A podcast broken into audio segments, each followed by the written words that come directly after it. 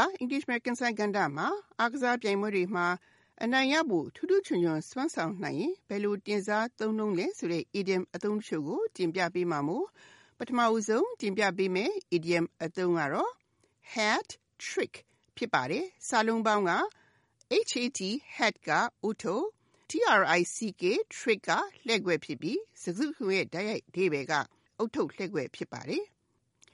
ဒီအသုံးဟာ cricket ဆိုတဲ့အားကစားနည်းကနေဆင်းသက်လာတယ်လို့ဆိုပါတယ်။ bowler ဆိုတဲ့ဘောလုံးပစ်သူတူပစ်ပေးလိုက်တဲ့ဘောလုံးကို cricket ဘက်တာနဲ့ထိအောင်အဝေးကိုရိုက်နိုင်ရမှာဖြစ်ပေမဲ့တစ်ဖက်အသင်းက bowler ကပစ်ပေးလိုက်တဲ့ဘောလုံးကိုထိအောင်မြိုက်နိုင်ရင်ပွဲကနေထွက်ပေးရမှာဖြစ်တဲ့အတွက်တပွဲမှာလူသုံးဦးကိုထွက်အောင်လုပ်နိုင်ရင်အဲ့ဒီအသင်းကဂုံပြူတဲ့အနေနဲ့ အုတ်ထုပ်နဲ့ခံပြီးပတ်စံလိုက်ကောက်ခံကအဲ့ဒီလူကိုစုချီးမြှင့်ရကနေဆင်းသက်လာတယ်လို့ဆိုပါတယ်။အခုအခါမှာဘောလုံးပွဲတွေမှာဘောလုံးသမားတူတဲ့ပွဲတွေမှာသူတယောက်တည်းသုံးဂိုးကိုဆက်သွင်းနိုင်ရင် scored a hat trick လို့သုံးပါတယ်။ခုလက်ရှိရုရှားမှာကစားနေတဲ့ World Cup ကမ္ဘာဖလားပွဲစဉ်မှာစပိန်နဲ့ပေါ်တူဂီပွဲမှာဘောလုံးကျယ်ခရစ္စတီယာနိုရိုနာဒိုကအဲ့ဒီပွဲမှာပဲသူတူရဲ့သုံးဂိုးသွင်းလိုက်တဲ့အတွက်ကြောင့် Ronaldo scored a hat trick လို့သတင်းတွေမှာရေးကြတာဖြစ်ပါတယ်။ idiom ဆိုတဲ့ the white ဒီပဲကတော့နေ့စဉ်ဘဝမှာ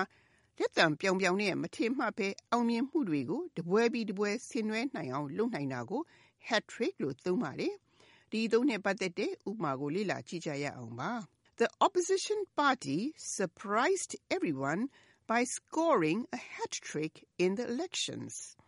အတိုက်ခံပါတီကရွေးကောက်ပွဲမှာမထင်မှတ်ပဲအောင်မြင်မှုတွေတစ်ခုပြီးတစ်ခုရလိုက်တော့လူတွေကိုအံ့အားသင့်စေခဲ့တယ်လို့အဓိပ္ပာယ်ရပါတယ်။ခုဆက်လက်တင်ပြပေးမှာကတော့ touchdown ဖြစ်ပါတယ်။စာလုံးပေါင်းက T O U C H touch ကထိတာ D O W N down ကအောက်ဆိုတော့စကားစုရဲ့ဓာတ်ရိုက်အဓိပ္ပာယ်ကအောက်ကိုထိတာဖြစ်ပါတယ်။ လေရင်မြေကြီးပေါ်ကိုဆင်းသက်တယ်ဆိုရင် touchdown လို့လည်းသုံးလို့ရှိပါတယ်။ဒီအသုံးကအမေရိကန်ဘောလုံးဖြစ်တဲ့ soccer အားကစားနည်းဟာဘယ်လောက်ခက်ခဲကြမ်းတမ်းပြီးတော့တိုက်ခိုက်ပြီးဘောလုံးရအောင်ကစားရတယ်ဆိုတာဒီအသုံးကတော့အမေရိကန်ဘောလုံးဖြစ်တဲ့ Super Bowl soccer ကိုကြည့်မယ်ဆိုရင်အားကစားသမားတွေအနေနဲ့ဘောလုံးကိုလက်ထဲရောက်အောင်တွန်းထိုးတိုက်ခိုက်ပြီးတော့လူယူရတာဖြစ်ပါတယ်။ဘောလုံးရပြီဆိုရင်ပြိုင်ဘက်ရဲ့ကိုစီးဘက်ကိုပြေးပြီး ဘောလုံးကိုမြေကြီးနဲ့ထိအောင်လုပ်နိုင်တယ်ဆိုရင်အဲ့ဒါကို touchdown လို့ခေါ်ပြီးအမှတ်6မှတ်ရတာလည်းဖြစ်ပါတယ်။ idiom ဆိုတဲ့တဝိုက်အဓိပ္ပာယ်ကတော့အခက်ခဲတွေကြားမှာအမှတ်ရအောင်လုပ်နိုင်တာအောင်မြင်မှုကိုရအောင်လုပ်နိုင်တာကိုဆိုလိုတာဖြစ်ပါတယ်။ဒီသုံးနဲ့ပတ်သက်လို့ဥပမာကိုလေ့လာကြည့်ကြရအောင်ပါ။ John scored a touchdown when he managed to get the business deal signed. ခုဆက်လက်တင်ပြပေးမှာကတော့ hit a home run ဖြစ်ပါတယ်။စာလုံးပေါင်းက hit hit ကရိုက်တာထိတာ home a home ကအိမ်တအိမ် run run ကပြေးတာလို့လုံးကောက်အဓိပ္ပာယ်ရပေမဲ့ဒီနေရာမှာ home run ရဲ့အဓိပ္ပာယ်ကို ရှင်းပြခြင်းပါတယ်။ဒီအသုံးကအမေရိကန်မှာသိလူကြိုက်များတဲ့ baseball ဆိုတဲ့အားကစားနည်းကနေဆင်းသက်လာတာပါ။ home run က baseball ကစားပွဲမှာဘောလုံးရိုက်တဲ့လူကဘောလုံးကိုအဝေးကြီးရောက်အောင်ရိုက်နိုင်တဲ့အတွက် ရိုက်တဲ့လူ hitter ဒါမှမဟုတ် batter အနေနဲ့ baseball green ရဲ့ base သုံးခုစလုံးကိုရောက်အောင်ဆက်တိုက်ပတ်ပြေးနိုင်ပြီးငကိုရိုက်တဲ့ home base ကိုပြန်အရောက်ပြေးနိုင်တာကို home run ရဲ့လို့ခေါ်တာဖြစ်ပါတယ်။အဲ့ဒီရိုက်တဲ့လူကဘောလုံးကိုအဝေးကြီးရိုက်နိုင်တဲ့အတွက်ကြောင့်တစ်ဖက်အသင်းကဘောလုံးကိုကောက်ဖို့ကြိုးစားနေချိန်မှာပဲသူကအခုလိုမျိုးစွမ်းဆောင်ပြနိုင်တာလည်းဖြစ်ပါတယ်။ဒီလိုအောင်မြင်မှုမျိုးရရင်အသင်းအတွက် run ဒါမှမဟုတ် အမှတ်ရစေတာဖြစ်ပါတယ်။ ခုလိုဇက်တိုက်ပြေးနိုင်ဖို့ကလည်းတကယ်တော့မလွယ်လှပါဘူး။ဒါကြောင့် idiom ဆိုတဲ့ the right ဒီဘက်ကနေ့စဉ်ဘဝမှာလူတဦးအနေနဲ့ထူးချွန်ခက်ခဲတဲ့အောင်မြင်မှုကိုစွမ်းဆောင်နိုင်တာကိုဆိုလိုတာဖြစ်ပါတယ်။ကျမတို့မြန်မာမှာတော့တော်ယုံတန်ယုံမလုပ်နိုင်တာကိုလက်စွမ်းပြလိုက်နိုင်တာမျိုးကိုဆိုလိုတာဖြစ်ပါတယ်။ဒီသုံးနဲ့ပတ်သက်တဲ့ဥပမာကိုလေ့လာကြည့်ကြရအောင်ပါ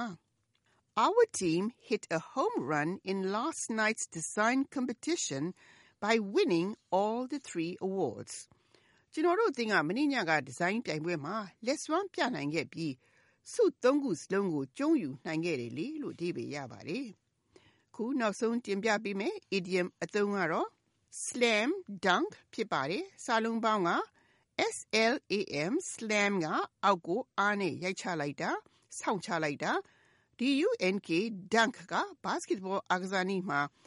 ကစားသမားတဦးအနေနဲ့ ဘောလုံးကိုပိုက်ထဲပစ်သွင်းရမှာအောက်ကနေပင့်ပြီးပြစ်မသွင်းပဲခုံပြီးဂိုးထဲတဲ့ပိုက်ကိုကင်က